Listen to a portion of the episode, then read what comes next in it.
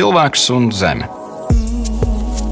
Kā dzīvojam un ko atstāsim nākamajām paudzēm? Radījums un podkāsts Zeme 2050. Ilgtspējīga nākotne. Labdien! Latvijas radio viens ēterā otro nedēļu raidījums Zeme 2050 ar jums kopā Aleksis Vilciņš.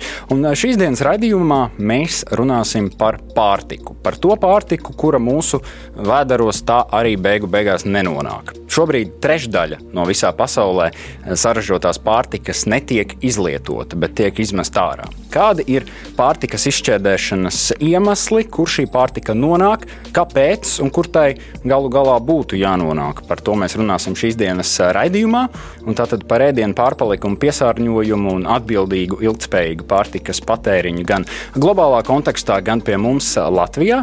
Šodien runāsim ar raidījumu viesņām Zane Gailīte, vidas pārvaldības inženiere un biedrības Zero Waste Latvija biedre ir šeit. Sveika, Zane! Sveiki! Un arī Ulla Milbreta, zinātniece un pirmās bezatkritumu kafejnīcas Baltijā dibinātāja. Sveika, Ulla! Sveiki! Vai mēs varam pašam sākumam, lūkšu jums patiesībā nedaudz ieskicēt, kā jūsu vai profesionālā darbība vai personīgā interese jūs ir aizvedušas līdz darbam ar pārtikas pārpalikumiem un, un šo bezatkritumu kustību, ja mēs tieši runājam par pārtiku. Zane, varbūt sāksim ar tevi. Manā personīgajā pieredzē pārtikas atkritumu tematika, ietekmes uz vidi un uz māku un tam līdzīgi aktualizējās apmēram tajā pašā laikā, kad vienai lielai daļai klausītāju pārtikas neizniekošana ir ļoti aktuāla tēma studiju laikā.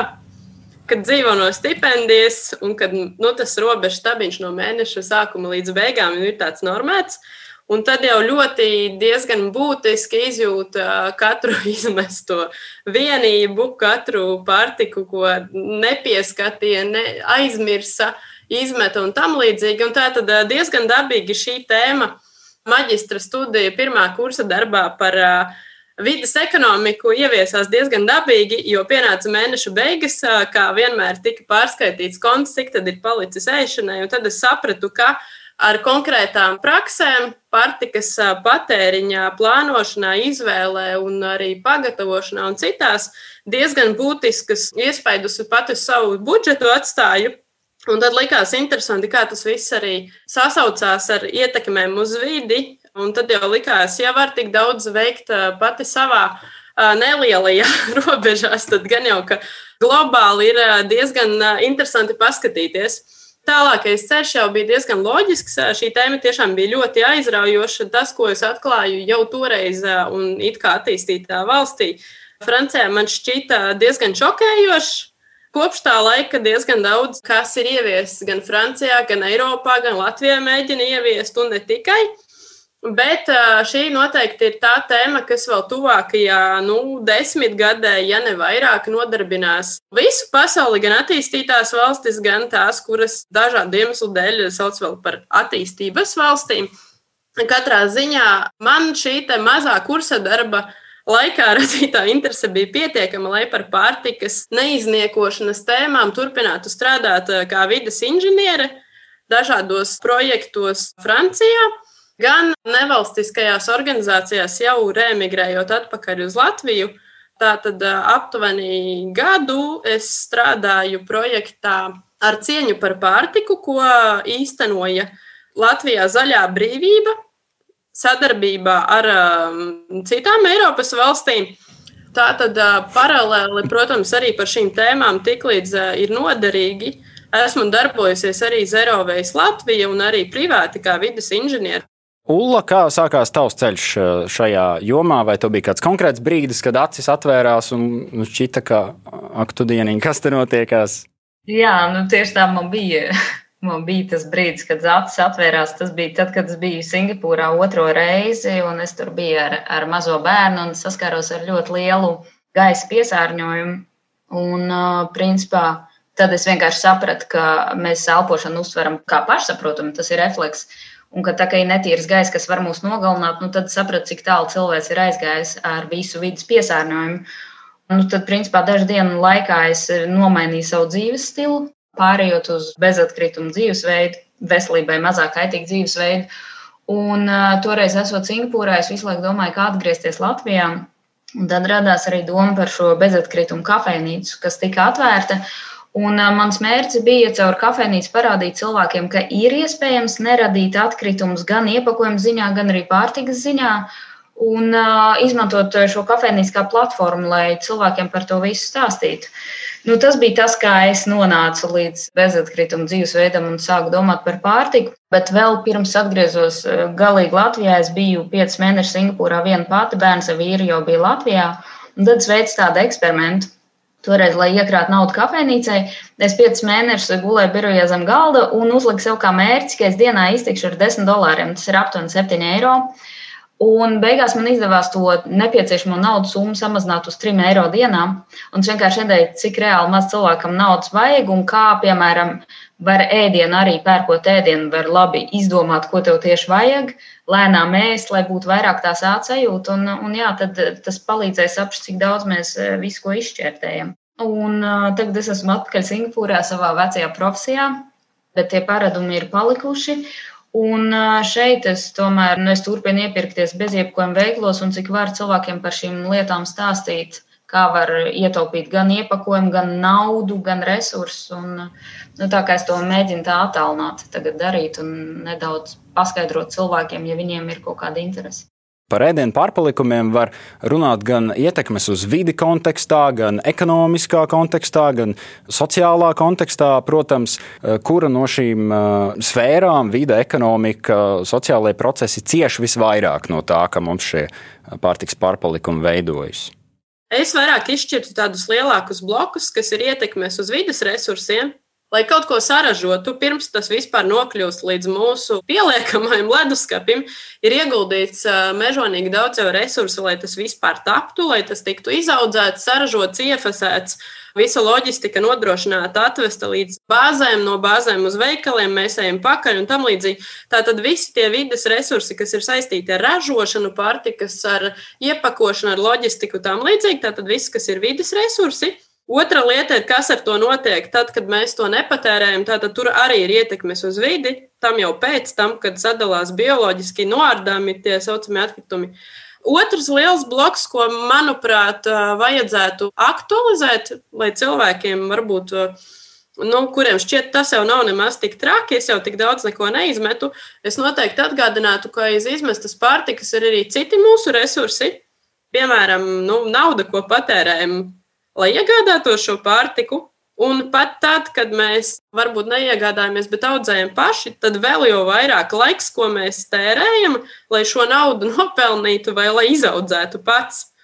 Tad nodarbībās vidas es vienmēr esmu aicinājis, piemēram, skolēnus, vienmēr, ne tikai skolēnus, pajautājis, vienmēr paceliet lūdzu rokas, cik daudzi vasaras brīvlaikā tā vietā, lai darītu tiešām to, ko jūs gribējāt, Jūs palīdzējāt ģimenes locekļiem katru dienu aplaistīt mazdārziņā to vai citu augu, ravēt un citādas lietas darīt. Nu, tad parasti diezgan daudzi vēl jau paceļ. Jā, nav jau tā, ka mēs pilnīgi visu pērkam gatavu. Uh, ir jau tā saistība ar zemi. Un tad es paprasu, un tad iedomājieties, katra trešā vaga, ko jūs izravējāt, principā bija lieka nu, paliks pāri. Tad, kad ir tā raža, tad viņi ir reizē, viņas ir daudz, visu paši nepatērētu, visu kaimiņiem neizdalītu un pilsētniekiem neizvestu. Un tad katra trešā tātad no jūsu laika, katrs trešā tā sadaļa ir bijusi lieka. Un tas jau nu mazliet vairāk uzrunā. Un tāpat ir arī ar tām piena paku atliekām, kas tur paliek beigās. Tāpat ir ar uh, kaut kādiem, nezinu, maizes šķēlēm, kas tur iepakojuma galā sapelē, tad katru reizi padomājiet, ka tas ir tas laiks, ko jūs veltījāt šīs naudas nopelnīšanai. Un ko jūs varbūt būtu gribējuši pavadīt, nezinu, lasot grāmatu, zīmējot mandalas vai vienkārši parunājoties ar savējiem. Gada griezumā tas var diezgan daudz reprezentēt. Par tiem resursiem. Jā. Tātad, ja mēs izmetam pārtiku miskastē, mēs izmetam miskastē arī tos resursus, kas eh, tika iztērēti, lai šo pārtiku saražotu. Tā tad tā kļūst par resursu izšķērdēšanu, bet bieži vien resursi cilvēkiem šķiet kā kaut kas abstrakts. Nu, kaut kas tāds - resursu izšķērdēšana. Tas ir tāds vārdu savienojums, ka mēs dzirdam tur, dzirdam šeit, kaut kā viņš paskrien pāri ausīm.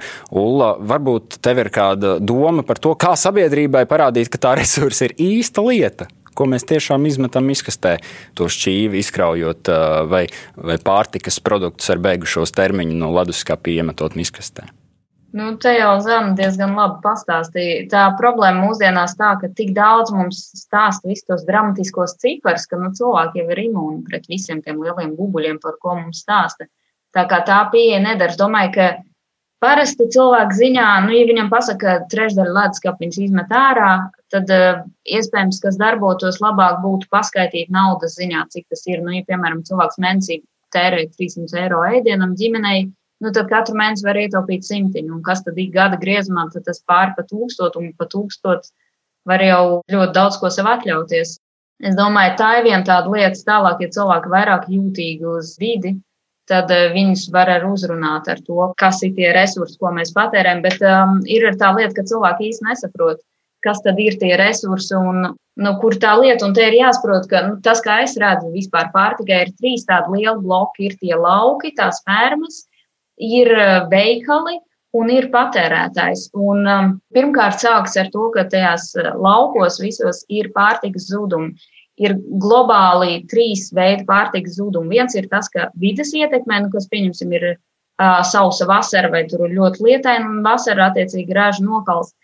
Tālāk ir tas, ka, piemēram, ja zemniekam ir jāpiegādā noteikts kvotas, noteikts daudzums veikalam, tad, lai nodrošinātu to noteikto daudzumu, viņš eh, audzēs daudz vairāk nekā vajag, līdz pat kaut kādiem 25, 30% vairāk pārtiks, lai tikai garantētu, ka viņš iedos to, ko ir solījis. Un tad ir trešais, eh, tas skaistu metalons, ka, nu, veikali pieņems tikai skaisto produkciju, un te arī, principā, zaudē 30 līdz 50% no tās sākotnējās ražas, jo tā pārtika, piemēram, tie augļu dārziņi neatbilstam skaistumam. Tas ir jau tas pirmais lielais zudums. Tālāk, veikala līmenī ir divas lietas. Ir tas, ka nu, mums patīk bagātīgi veikali, pilni ar mantām. Nu, mēs vienmēr tiecamies uz vietām, kur baigā mantu bagātību. Mēs nepirksim tad, ja būs palicis groziņā tikai viens ābols. Mēs automātiski neņemsim, mēs ņemsim tur, kur vairāk. Attiecīgi, tas, ko dara veikali, viņi piepilda visu plauktu, visu pilnu, un ko dara cilvēki, cilvēki apčām, dabgrābs, tad tur ābolīši, tā kā viņi daudz viņi nokrīt, sasits, tādi jau vairāk nepārdos. Bet te rodas eh, ļoti daudz arī tie pārtikas zudumi. Un, eh, attiecīgi, veikali labāk izvēlas eh, pārdot tos skaistos, dārgos produktus, pārtiku nekā tos, tos neglītos vietējos bez pesticīdiem. Tas ir vēl tāds aspekts, un tad, piemēram, veikalu līmenī nekorekts tāds biznesa attiecības ar piegādātājiem, kas ir, piemēram, kaut kādas ēdiena ražotnes, kas specifiski vienam veikalam piegādā marķētu jau ēdienu, Un tā kā veikalam ir daudz piegādātāju, viņi var pēdējā brīdī atteikties no šīs pārtikas. Un tad eh, tas piegādātājs, viņš vairāk nevienam nevar to pārdot, jo tas, piemēram, jau ar kaut kādu simbolu, un tad ir vēl liela pārtiks zuduma. Nu, un tad ir cilvēku leduskapis, kur principā divas trešdaļas cilvēki izmet ārā. No tās trešdaļas, ko viņi met ārā, divas trešdaļas ir tāpēc, ka viņi nav pagavuši sagatavot, viņi, piemēram, nopirka lielu kvantumu uz atlaidēm. Un tāpēc viņi izmet, un otrs ir eh, milzīgās porcijas. Tā kā tie ir tādi trīs lieli bloki, kur mēs zaudējam pārtiku. Šos blokus mēs eh, turpināsim eh, šķetināt eh, šī raidījuma gaitā. Eiropas Savienībā, piemēram, tiek izšķērdēta veseli 20% no visas saražotās pārtikas. Daudz biedējošas statistikas nākas redzēt ikdienā, bet šī ir tiešām pārsteidzoša statistika. Vismaz man, man tā gribētos teikt. Cilvēku skaits pasaulē aug, un te nu mums ir priekšā izšķiršanās, vai turpināt celt saražotās pārtikas apjomu, vai tomēr rūpēties, lai visa saražotā pārtika arī tiktu izmantota. Uz kuru pusi pasaule griezīsies pēc dažām desmitgadēm? Ekspertu spriedumi, risinājumi un prognozes. Raidījums un podkāsts Zeme 2050. Ilgtspējīga nākotne. Ja mēs paskatāmies uz pārtikas sagatavošanas posmiem, tad ir pārtikas audzēšana, pārtikas pārstrāde, pārtikas transportēšana turp un šurp un tā tālāk. Ula daudzus no šiem posmiem jau iezīmēja. Vai mums ir tāds viens posms, kuru mēs varam izvirzīt par visvairāk atbildīgo? Šajā problēmā? Vai mēs audzējam par daudz, vai mēs transportējam slikti, vai mums ir slikti kravinieki, vai kuru posmu mēs vainosim visvairāk? Jā, es, vainotu, es vainotu patērētāju, tāpēc ka nu, mēs jau izvēlamies, mums tā var izvēlēties, ko mēs gribam. Un cilvēki tā, to, piemēram, kaut tas pats tie skaistie augļu dārzeņi un tie neglītie. Nu, cilvēki grib skaistus, tāpēc, attiecīgi, zudumi ir zemniekam pašā etapa sākumā, jo viņam pieprasa tos skaistos. Šajā ziņā arī es gribēju izcelt.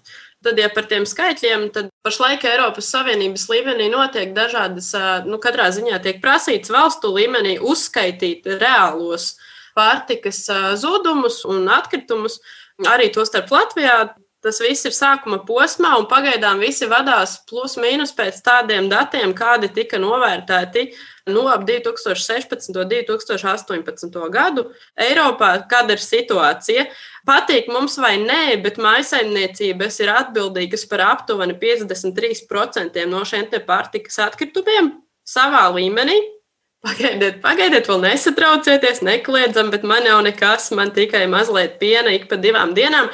Mūsu ir daudz, un ja katram ir mazliet un visu laiku, tad diezgan ātri savācās Eiropā. Tostarp arī Latvijā. Un tā tad maisaimniecības noteikti ir tās, kuras attīstītajās valstīs, pie kādām pieder arī Latvija, ir atbildīgas par vairāk nekā pusi no šī apjoma.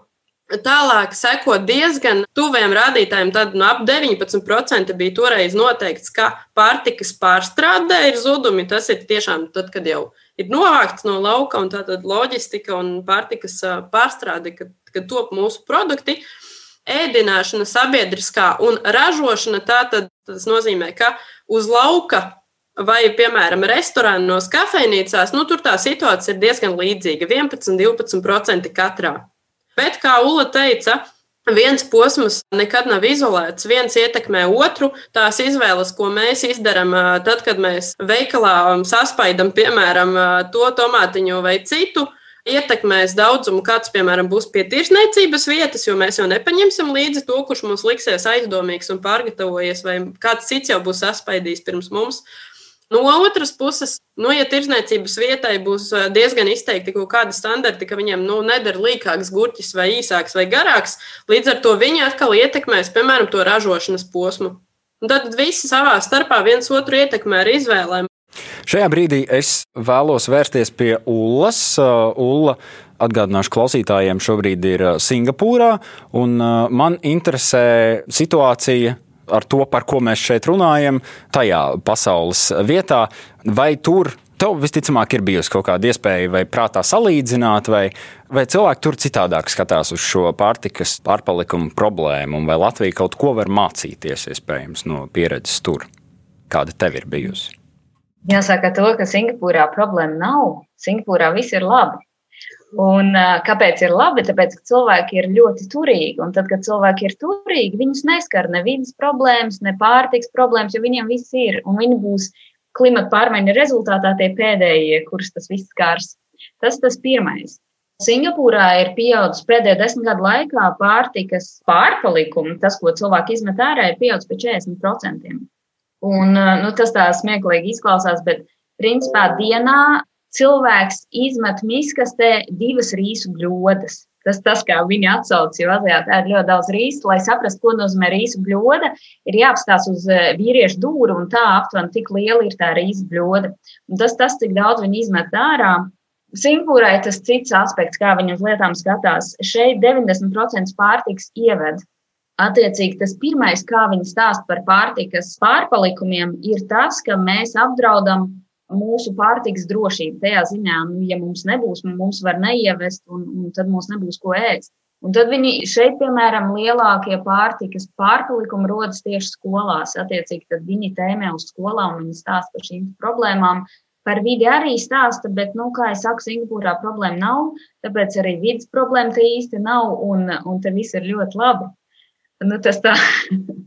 Bet jā, te ir savas vadlīnijas, par kurām, piemēram, viņi tagad veic testus. Piemēram, šeit ļoti populārs ir ēdnīcas. Gan uz ielām, ka te viss ir ļoti tīrs, un tāpēc te ļoti daudz cilvēku ēd ēdnīcās, un tad ir daži testa ēdnīcas, kur ir uh, kompostu mašīnas. Tāpat ar viņi skolās mēģina ieviest, nu, tādā testa režīmā.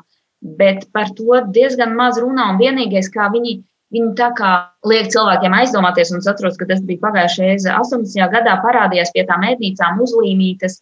Prasiet mazāk rīsus, nu, ja jūs zinat, ka neapēdīsiet. Tā kā šeit tādā ziņā cilvēki vēl nav īsti saskārušies ar tām vides un pārtiks pārpalikumu problēmām. Šeit tikai cilvēks mudina vēl kaut ko darīt lietas labā. Zāne, vai tu vari par Francijas pieredzi vēl ieskicēt tagad? Jā, Francija, Francija man šajā ziņā joprojām ir Eiropai diezgan, manuprāt, labs piemērs. Un labs piemērs ir ne tikai ar nevalstiskajām vai individuālajām vai dažādām uzņēmuma aktivitātēm, bet ar tieši valstiska mēroga diezgan cietu apņemšanos šo problēmu atzīt par problēmu un risināt, un risināt starp ministriju līmenī, nevis to Es atvainojos, kā tas bieži mēdz notikt. Tiklīdz ir kaut kāda mazākā saistība ar vidi, nogrūst uz vienu konkrētu vidas ministriju, nu, vai, vai kā nu mēs no kurā valstī viņu sauktu, bet bieži vien tā notiek. Francijā pārtikas neizniekošana, nu, kā viņi sauc, tad Antīgās Pjāžs, atzina par valsts mēroga prioritāti. Šis jautājums ir jārisina valstiski, Un 2016.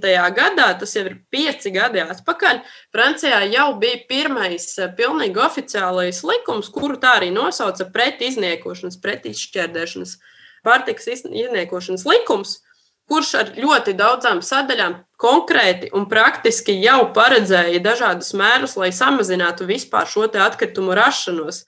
Jau bija konkrēti mēri, kas piespieda lielveikalus, kuriem bija noteikta platība, ja nekļūdos, tolaik tie bija 400 kvadrātmetri. Tātad, nu, ne jau gluži visus, bet jau bija pirmie konkrētie soļi. Šiem lielveikaliem, piemēram, bija pilnīgi obligāti jānodrošina sadarbība ar labdarības organizācijām, pārtikas bankām un tam līdzīgi, lai patēriņam vēl drošo pārtiku, kur nav nekādi bakterioloģiski riski, varētu nodot cilvēkiem. Nu, ja tas nenotiek, tad, protams, ir sadarbība ar dzīvnieku audzētājiem, un, ja tas nav, nu, tad nākamais ilgspējīgas apsaimniekošanas solis, nu, tad komposts. Bet katrā ziņā jau piecus gadus atpakaļ tas bija valstī likumā rakstīts, ka mēs darām visu iespējamo, un līdz ar to ir ļoti daudz, kas noticis. Ir attīstījušās, man zināmas, vismaz trīs startupu reģionālo ķēdes, kas pēc tam arī savu konceptu izveda ārpus Francijas. Nezinu, kā viņiem pašlaik šīs pandēmijas laikā klājās, bet principā šie startupi nodarbojās ar to vien, ka viņi koordinēja sadarbību starp pārtikas atkritumu iespējamiem radītājiem un tiem, kuriem vēl ir vajadzība pēc pārtikas. Un tātad tur bija ko darīt. Un, um, Notiek ļoti daudz, kas arī ēdnīcu līmenī, īpaši skolās, arī slimnīcās, kur starp citu ir ļoti lieli zudumi. Tātad mērķiecīgi notiek reģionālos un nacionālos līmeņos tiešām darbības, lai mazinātu šo atkritumu rašanos. Un um, katrā ziņā, piemēram, pašlaik es zinu, ka Bordo pilsētā, kas ir dienvidrietumu reģionā, viņi arī ir vieni no pionieriem tieši pētniecībā un arī sadarbības veicināšanā starp dažādiem pārtikas piegādes nu, ķēdes posmiem, lai šie posmi vispār savā starpā runātu un zinātu, kur kas rodās. Arī tas ir ļoti būtiski. Piemēram, notiek ik gadu vai katru otro gadu, kā, kā sanāk, ar pandēmiju mazliet pamainījies, bet noteikti tā saucamās asīzes. Ir tādas konferences, kas trīs dienu garumā apvieno visus reģionālos, iespējamos gan pašvaldību pārstāvjus, gan restorānu pārstāvjus, gan dažādu loģistikas vienību pārstāvjus. Un cilvēki tiešām strādā kopīgi, lai ieviestu ilgtermiņā risinājumus, kas ne tikai izglīto patērētāju un izglīto skolēnu, vai paredz eh, kompostu tur vai citur pilsētā, bet tiešām samazina reāli lielās plūsmas. Zeme 2050. Turpinot par globālajām pieredzēm, Zane, tu arī minēji terminu sadarbība, un šķiet, ka Scientists Against Plastic arī ir šāds sadarbības platforma. Tajā ir darbojusies Ulla. Ulla, vai tu vari ieskicēt savu pieredzi, par ko tur ir runa un kā tas ir saistīts ar, ar to, par ko mēs runājam? Jā, nē, šovasar piedalījos Climate Hik programmā, un man bija virtuālā prakse ar laboratoriju Slovenijā, kas ir ķīmiķis laboratorija, viņi tieši pēta, kā var pārtiks pārpalikums pārveidot par dažādiem materiāliem, principā, lai aizvietotu plasmas. Un es tajā praksē tiku, tāpēc, ka man bija šī kafejnīca, un es joprojām turpinu viņiem sadarboties. Un viņiem ir četri tādi lielie produkti, ko viņi izmanto. Viens ir, piemēram, āboli. Viņi izmanto vai nu neglītos ābolsāti, kas nav pārdoti, vai arī tie biezumi, kas paliek pāri, kad uztais ābolu sulas, un tad, attiecīgi, tie āboli ir par skābu, lai tos likt kompostā, un, un tas arī nav labi. Tāpēc viņi, piemēram, savāc šos ābolus un taisa vegāno ādu. Nu, mēs zinām, ka tā tad īstā āda nav laba, Un tāpēc ir šī vegāna āda, kas parasti ir sintētika. Un viņi tātad no šiem āboliem rada ādas imitāciju, kas ir pilnīgi dabīga un izturīga, un to var labot un pāršūt. Un, un tā. Tas ir viena no lietām, ko viņi attīsta. Tālāk, piemēram, viņi izmanto kā pārtiks atkritums no garnelēm tās čaumalas, kas ir hitozāns. Es pati šobrīd laboratorijā ar to strādāju, bet nu, es gan strādāju ar muguras smadzeņu traumu, es zinu, ka tas ir nu, atļauts izmantot gan uz dzīvniekiem, gan kā. Un tad viņi izmanto tās čaumalas, lai radītu uh, tādu kā plasmas imitāciju, un viņi klāt, piemēram, pieliek kastaņu ekstraktu. Un tas, ko viņi beigās ir dabūjuši, viņi publicējuši tos rezultātus, ka pārtika iepakot šajā bioplasmasā ilgāk uzglabājas. Kāpēc? Tāpēc, ka tas materiāls ir antibakteriāls, tur neaug baktērijas, tur neaug sēnes, un eh, tā kā kastaņu ekstrakts ir tumšs, tad arī tas pasargā pārtiku no ultravioletā starojuma. Un kas sanāk, tā tad pārtika var ilgāk uzglabāt un mazāk mēs pārtiku izmetam ārā. Un, uh, Tad viņiem vēl ir mans mīļākais, ir no aļģiem radītais iepakojums, kas ir šķīstošais iepakojums. Tātad pirmkārt, visi viņa iepakojumi var tikt dabīgi sadalīti, daži ir kompostējumi, un šis no aļģiem radītais ir šķīstošais iepakojums, jo, lai arī mēs gribētu izvairīties no, no jebkāda iepakojuma, dažkārt tas nepieciešams. Piemēram, nu, kad mēs aizjām uz kafejnīcu vai viesnīcās, ir medus tajos mazajos trauciņos, nu, tad, piemēram, viņi var iepakot šo medu šajā aļģu tā kā plasmasā, un tas izšķīdīs karstā glāzē 30 sekundžu laikā. Un, protams, tas var mentāli būt tā bailīgi dzert iepakojumu, bet mēs visi esam ēduši Japāņu virtuvi, kur aļģis izmanto sushi makiju. Tur ir, tā tā pati aļģe, ko vienkārši citādāk pārstrādā un tā. Nu, un pēdējais, ko viņi dara, viņi arī veido šampūnus, tādas šampūnu ziepes. Tas arī vairāk domāts viesnīcām, kur, lai izvairītos no iepakojuma, ir tādas mazas eh, šampūnu bumbiņas, kur viņi arī izmanto tās pašas aļas. Un, un tā, un tad šī laboratorija attīsta šos dažādos produktus, lai aizvietotu vienreiz lietojamo plasmasu. Viņi sadarbojas ar dažādām rūpnīcām, un tas, ko es viņiem darīju un daru joprojām, es vadu viņu Instagram kontu, lai principā cilvēkiem, kas neko no ķīmijas nesaprot, lai izstāstītu vienkāršā valodā, kāda ir problēma plasmas, kā mēs to varam aizvietot, kādas ir alternatīvas. Kā mēs varam atrast šo kontu? Var vai nu Facebookā vai Instagramā Scientists Against Plastic. Tā arī jāmeklē. Mums tūdaļ jāpievēršas ir Latvijas situācijai. Turpināsim runāt par ēdienu pārpalikumiem. Par šo problēmu Latvijā ik pa laikam dzirdām. Arī bioloģisko atkritumu konteineri šķiet sāk kļūt skaitliski vairāk par to turpinājumā. Pēc 30 gadiem zivis okeānā aizstās plasmasas produktu mutācijas. Par to un vidi, ko atstāsim nākamajām paudzēm, radījumā un podkāstā Zeme 2050. Ilgtspējīga nākotne. Atgādinu klausītājiem un skatītājiem, ka šodien mēs runājam par pārtikas pārpalikumiem un pārtikas izšķērdēšanu. Ar mani kopā studijā vidas pārvaldības inženiere biedrības Zero Waste Latvija biedre Zane Gailīte, kā arī zinātniece un pirmās bezatkritumu kafejnīcas Baltijā dibinātāja Ulla Milbreta. Par Latviju. Zāne, ja man te jālūdz ieskicēt situāciju Latvijā, jo Latvijā sabiedrībai bieži vien šķiet, ka, ja mēs runājam par uh, īpaši vides problēmām, arī par šādām problēmām, ka tās nu ir lielo, lielu valstu problēmas, un mums taču ir meži, un mums viss ir kārtībā. Zāne, kāda ir situācija Latvijā ar pārtiks pārpalikumiem?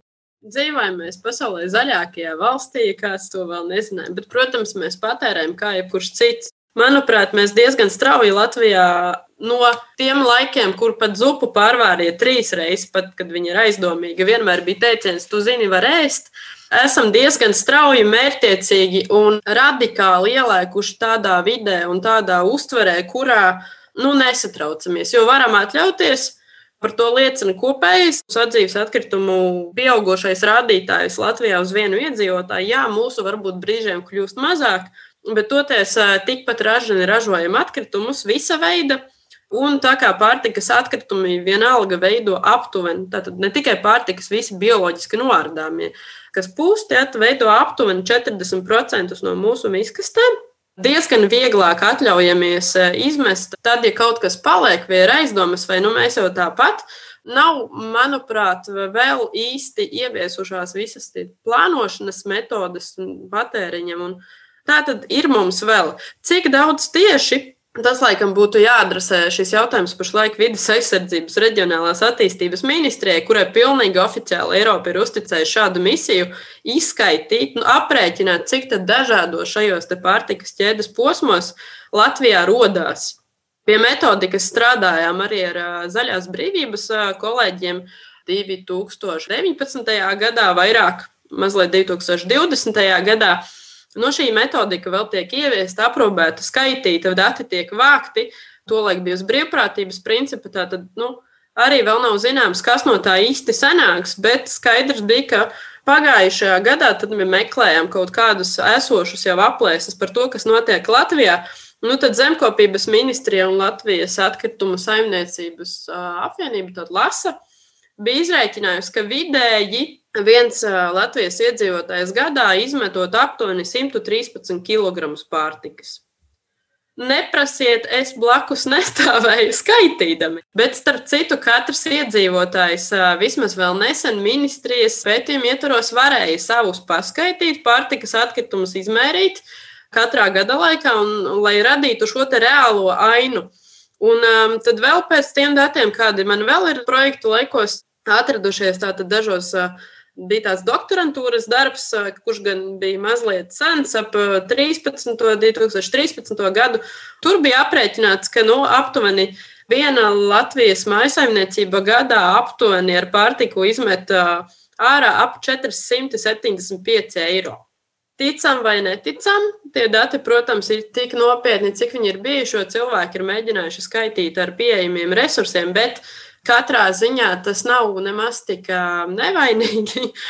Un es tiešām ieteiktu katru pasakot līdzi tam, kas rodās viņa mājasemniecībā.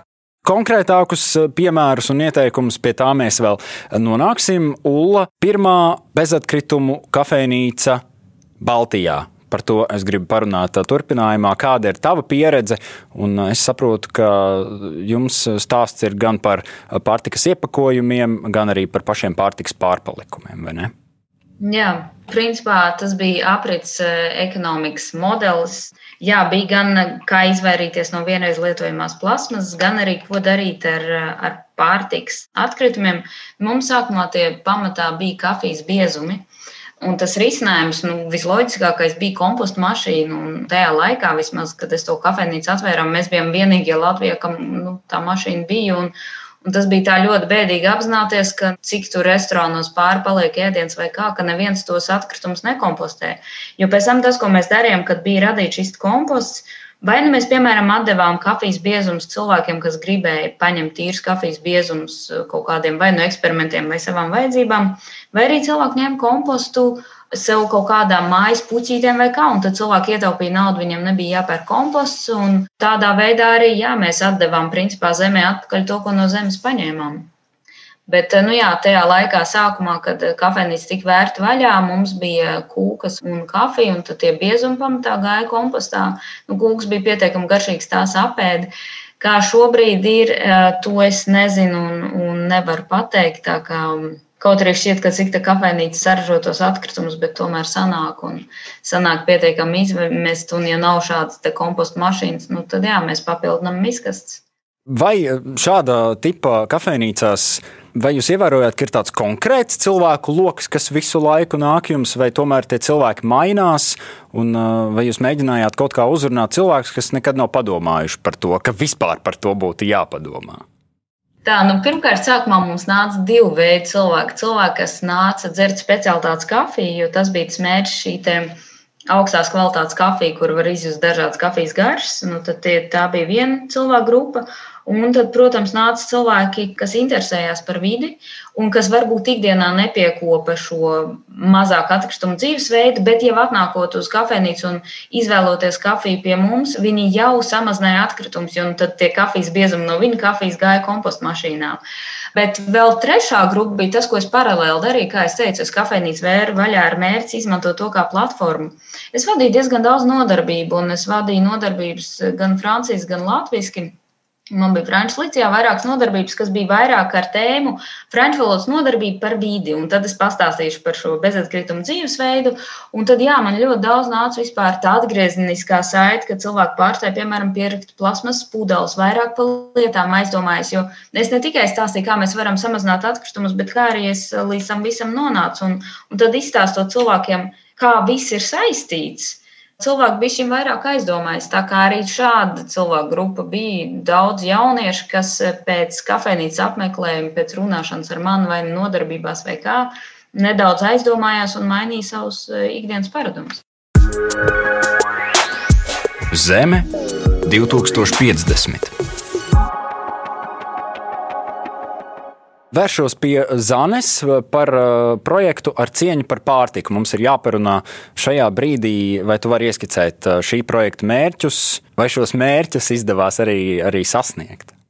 Nu, es projektu atzīšos godīgi. Man tie nopelni bija nepārāk lieli. Es pievienojos projektam kādā brīdī, uh, kad tur jau viss notika.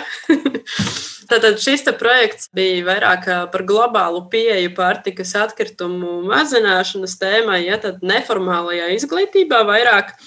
Un mērķa galvenā grupa bija pārsvarā mājasaimniecības Rīgā, bet arī Latvijas reģionos ar dažādām aktivitātēm. Tātad šis bija Eiropas projekts, kurā bija zaļā brīvība no Latvijas puses un sešas partneru organizācijas no citām Eiropas valstīm. Un tā tad joprojām šos materiālus visiem cilvēkiem, klausītājiem, kuriem interesē vispār, kas tad īsti notiek, un varbūt intereses pēc, neko daudz nemainot savus paradumus, bet apstīties, kas un kā, tad šī projekta ietveros ar ceņu par pārtiku tika izveidoti ļoti daudzi interesanti un praktiski pat pielietojami materiāli. Lai ieskicētu šos te, nu, globālos efektus uz vidi, uz arī uz sociālajiem aspektiem, tātad kāda ir šiem pārtikas atkritumiem. No tās pašas Francijas atvedu interesantu vidas izglītības konceptu, kas ir disko zupa. Tātad šī aktivitāte, kuras laikā iesaista garām gājējus, neatkarīgi tātad, vai tie ir vidas aktīvisti vai vienkārši garām gājēji, iesaista ēdiena pagatavošanā no veģetāras izcelsmes produktiem, kas būtu nokļuvuši atkritumos, ja tos nepagatavotu. Ja? Un šādā veidā praktiskā darbībā parāda, ka patiesībā nu, ka nav nemaz tik sarežģīti no kaut kā, kas vairs neizskatās tāds, ka gluži gribētos pastiept roku un patērēt, ka tas vēl joprojām ir gan drošs, gan garšīgs, gan pagatavojams. Tātad šādas aktivitātes bija datorspēles, bija dažādas stratēģijas, pieejams. Ja meklēsim ar cieņu par pārtiku, tad pie šiem mēs, resursiem mēs varam tikt un tos var izmantot tik viens, pareizi saprotu. Jā, Turpinājumā radījumā Zeme 2050 mēs pieskarsimies mazliet dziļāk tematam, kuri jau eh, mazliet esam pārunājuši un tam pieskārušies iepriekš par atkritumiem. Tātad sadzīves atkritumos ļoti bieži nonāk arī pārtikas atkritumi un par atkritumu šķirošanu Latvijā turpinājumā mēs runāsim ar uzņēmuma Zaļā josta pārstāvi Lānu. Laimu Kubuliņu. Zeme 2050. Sveika, Laima! Sveiki, sveiki. Mums sākumā eh, es nevaru neizmantot šo iespēju. Ir eh, jāuztaisa maza, maza mācību stunda, un visiem jāatgādina, vai tu vari laimi pavisam īsi ieskicēt, kāpēc ir jāšķiro atkritumi. Kopumā, ne tikai bioloģiskie.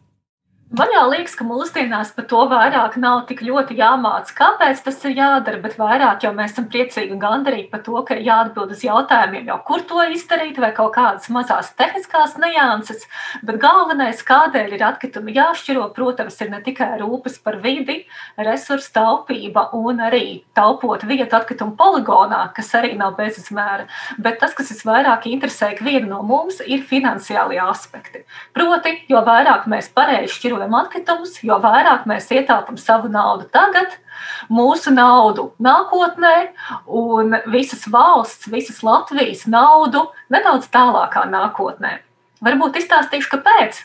Ņemot vērā, ka, ja mēs pareizi šķirojam atkritumus, tad mēs vairs nerunājam par atkritumiem, mēs runājam par otrreizējām izēvielām, lietām, kam ir vērtība, un tieši tāpēc arī tos izved un pārstrādā bez maksas. Proti, jo vairāk mēs nododam pārstrādē, jo vairāk mēs no kopējās maksas sadzīves atkritumu plūsmas atceļam lietas, par kuru utilizēšanu mums ne tikai nav jāmaksā, bet arī kas pārto par vērtīgām otrreizējām izēvielām. Vai mums ir dati par to, cik daudz no vispār šobrīd Latvijā kopējā atkrituma daudzuma eh, sastāda šie bioloģiski noārdāmie atkritumi, kur arī pārtikas atkritumi, es pieņemu, šajā kastītē skaitās? Statistikas Pēc statistikas apmēram 40 līdz 50% no mūsu radītajiem sadzīves atkritumiem ir tieši bioloģiski noādāmie atkritumi un dažādas spāksnes.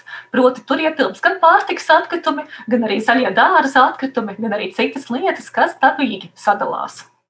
Kas ir tā lielā problēma, kāpēc šie pārtikas atkritumi, kāpēc tiem nevajadzētu nonākt uh, lielajā kopējā atkrituma poligonā un tikt apraktiem tur? Iespējams, arī Zanē var uh, palīdzēt ar atbildi šajā jautājumā. Kāpēc mēs negribam, ka tie pārtikas atkritumi nonāk uh, kopējā poligonā?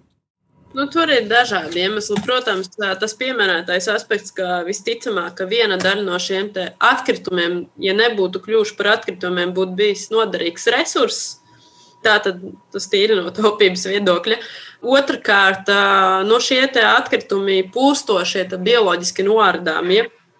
Sadalīšanās laikā izdala diezgan daudz bioloģiskās gāzes, tostarp metānu un citas, kas ir diezgan plaši zināmas kā siltumnīcas efektu pastiprinošas.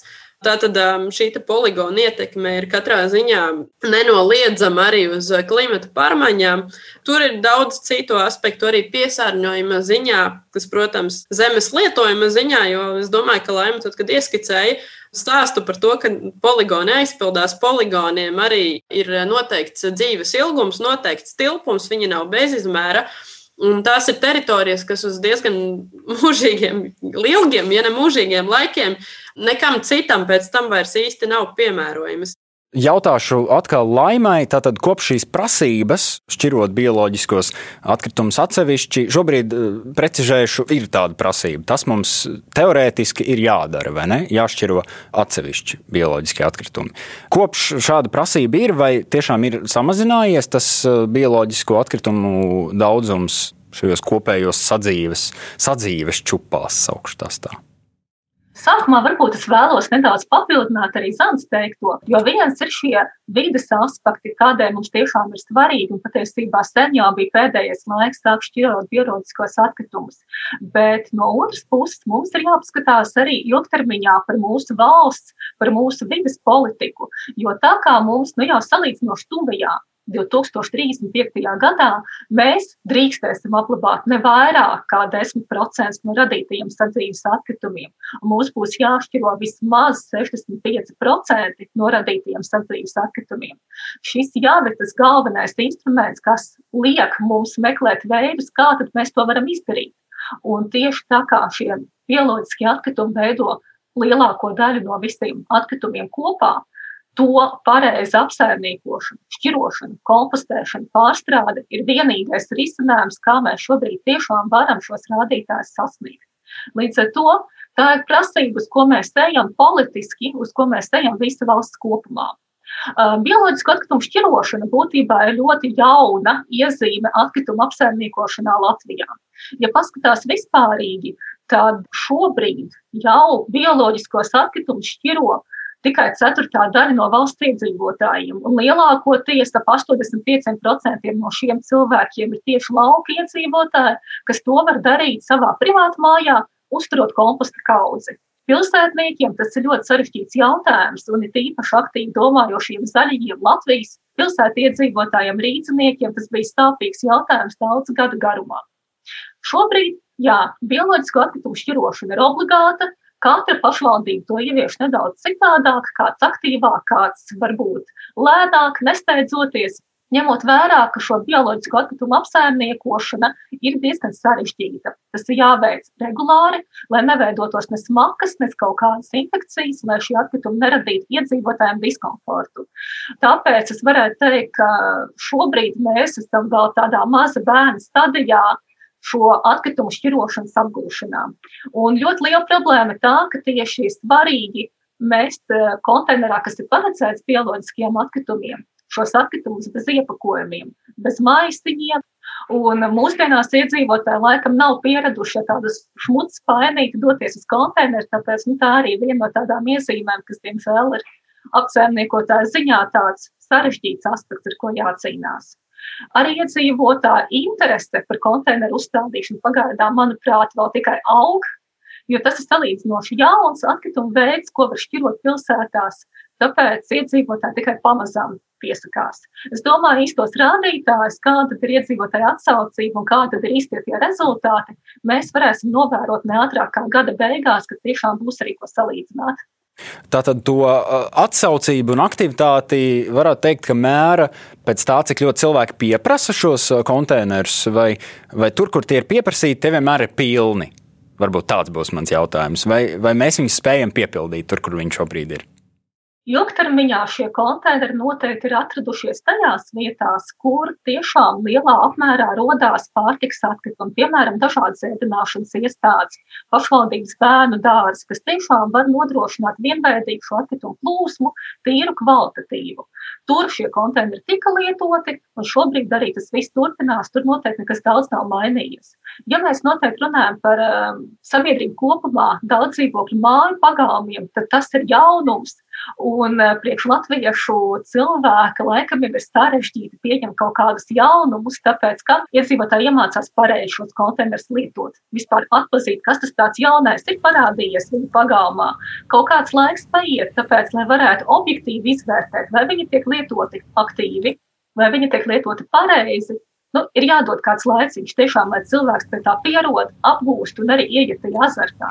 Jo galu galā tā jau arī pašam mājās ir kaut kur jāliek uh, citā groziņā tie pārtiks atkritumi, lai varētu nogādāt līdz tam konteineram.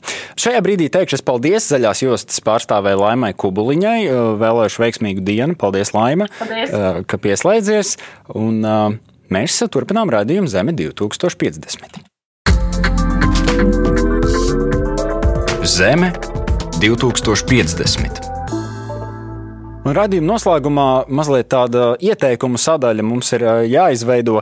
Varbūt kāds klausītājs ir noklausījies mūsu raidījumu un tagad domā, jā, es gribu samazināt tos savus pārtikas pārpalikumus, kas manā maisaimniecībā rodas. Un tādi mazie solīši, kam sakot, ikdienā, gan atrodoties lielveikalā, gan varot vaļā pašam savu leduskapi, vai mēs varam tādus dažus uzskaitīt ik viens un katrs, krietni pat sevi nelaužot, var diezgan daudz ietekmēt um, ar četrām metodēm, tātad četriem posmiem pārtikas patēriņā. Pirmā lieta ir tātad plānošana, iepirkšanās. Šajā posmā jau otra lieta ir pareizi uzglabājot pārtiku, tad uh, pagatavojot vai saldējot. Un vēl viena lieta, kas ir, ir pārpalikuma izmantošana. Tātad pārtika, kas paliek arī mums pāri. Un tur apakšā ir tik daudz uh, mazu praktisku solīšu, kuri visi ir uzskaitīti šajos zaļās brīvības materiālos, kuros noteikti atradīsies katram kaut kas viens, ko var vismaz izmēģināt pietiekami ilgi, lai pastītos, vai tas nekļūs par ieradumu. Jo par tiem ieradumiem ir tā, ka zero veista aprindās ir īpaši šīs te fakts ar daudziem ir apstiprinājies, ka tas, kas sākumā liekas liels kalns un kāpēc man to vajag un tas nav praktiski, ja sāka pa vienam vienu ieradumam pamēģināt, vai man tas der vai man tas neder, ar pietiekami ilgu praksi saprot, ka patiesībā tas jau kļūst par automātismu. Tīri no sava personīgā piemēra, neiet iepirkties izsalkušiem, ir liels standarts, ko man liekas, ir dzirdējuši visi. Bet es pilnīgi noteikti zinu, ka mans čeks iepērkoties izbadējušai un, un, un tādai, kur atnāk ar sarakstu rūpīgi plānot un, un katrā ziņā nekrīt kārdinājumā. Mans iepirkumu čeka garums un ciparu lielums reizēm atšķirās reizes piecas. Ula, um, vai uh, arī tev ir kāds ieteikums vai triks, ko tu uh, izmanto ikdienā, piemēram? Jā, man ir, bet nu, jāņem vērā, ka es esmu tāds cilvēks praktiskais. Es šeit esmu viena ar bērnu. Attiecīgi, man tā plānošana, nu, tas nenotiek, jo man ir ļoti ierobežos laiks, kad es varu iet iepirkties. Tāpēc man sarakstiem nav. Es vados pēc principa tā, man gatavot laiku gandrīz nav tā, tad man leduskapī vienmēr ir kaut kādi burkāni, gurķi, tomāti, ko bērnam var iedot tāpat, lai, lai uzgrauž, kamēr es tur kaut ko mēģināšu sataisīt. Piemēram, ar burkāniem, ko es atklāju, bērnam dažo burkānu, bet mums bieži gadās, ka burkāni nogurst. Nu, ko tad darīt? Tos burkānus var nogriezt galiņus, tā sagriezt tādos nu, graužamos izmēros, ielikt burciņā ar ūdeni, turēt leduskapī. Un šādā formātā tas novītušais burkāns uzsūks ūdeni un kļūs atkal nu, tāds graužams un patīkams, un tādā veidā burkānu var uzglabāt mēnesi. Un es šādā veidā esmu ietaupījis ļoti daudz burkānus. Tas ir viens. Tālāk es neriskēju ar ēdienu. Es ņēmu, un šeit Singapūrā pārtika, laba pārtika ļoti, ļoti dārga. Es ņemu to, ko es zinu, ka es tiešām ēdīšu. Nu, tie man pamatā ir augļu dārziņi. Un tad, attiecīgi, es pērku to, kas ir droši. Un, piemēram, šeit ir viens veikals, kur es bieži eju pa vakariem, kad es tieku un tad viņi kaut kādu ēdienu atdod, vai nu var nopirkt pa lielām atlaidēm, bet, nu, pamatā es dabūnu pa velti, un tad to es pamēģinu. Bet, principā, jā, es pērku to, kas ir droši. Es eh, daudz iepērkos arī beziepakojumu veikalos. Kāpēc? Tas lielākais pluss atskaitot iepakojumu ir tas, ka es varu pamēģināt, ja man kaut ko gribas jaunu, bet nopirkt ļoti mazu daudzumu. Un, attiecīgi, ja man tas nepatiks, es varu tos 100 gramus apēst, bet man nebūs kaut kāda kilograma paka.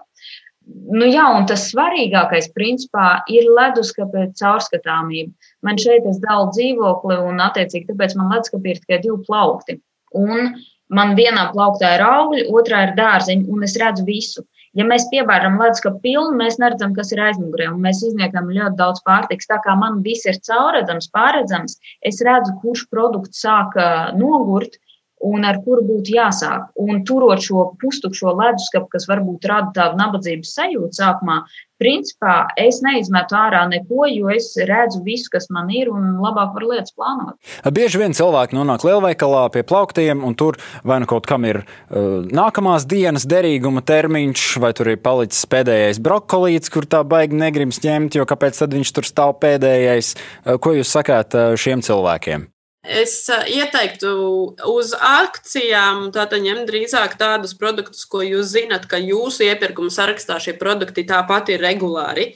Vai šos produktus arī jūs skaidri zinat, ka jums ir saldētava kvalitatīva, kurā jūs arī ieliksiet? Jo saldēt var, starp citu, ļoti labi saldējas maize, ļoti labi saldējas piena produkti un jau pagatavotais ēdiens. Atšķirība ir tajā, ka tas ir nu, pareizi tehniski jāizdara Un nevajadzētu pārspīlēt ar to uzglabāšanas ilgumu. Bet es piekritīšu Ulai arī par to, ka caurskatāmi krājumi vēl pirms doties uz veikalu, tirgu vai, vai pie sava mīļākā ražotāja pārtikas. Tātad pārskatiet, kas jums jau ir un kādu iedvesmu jums tas jau rada.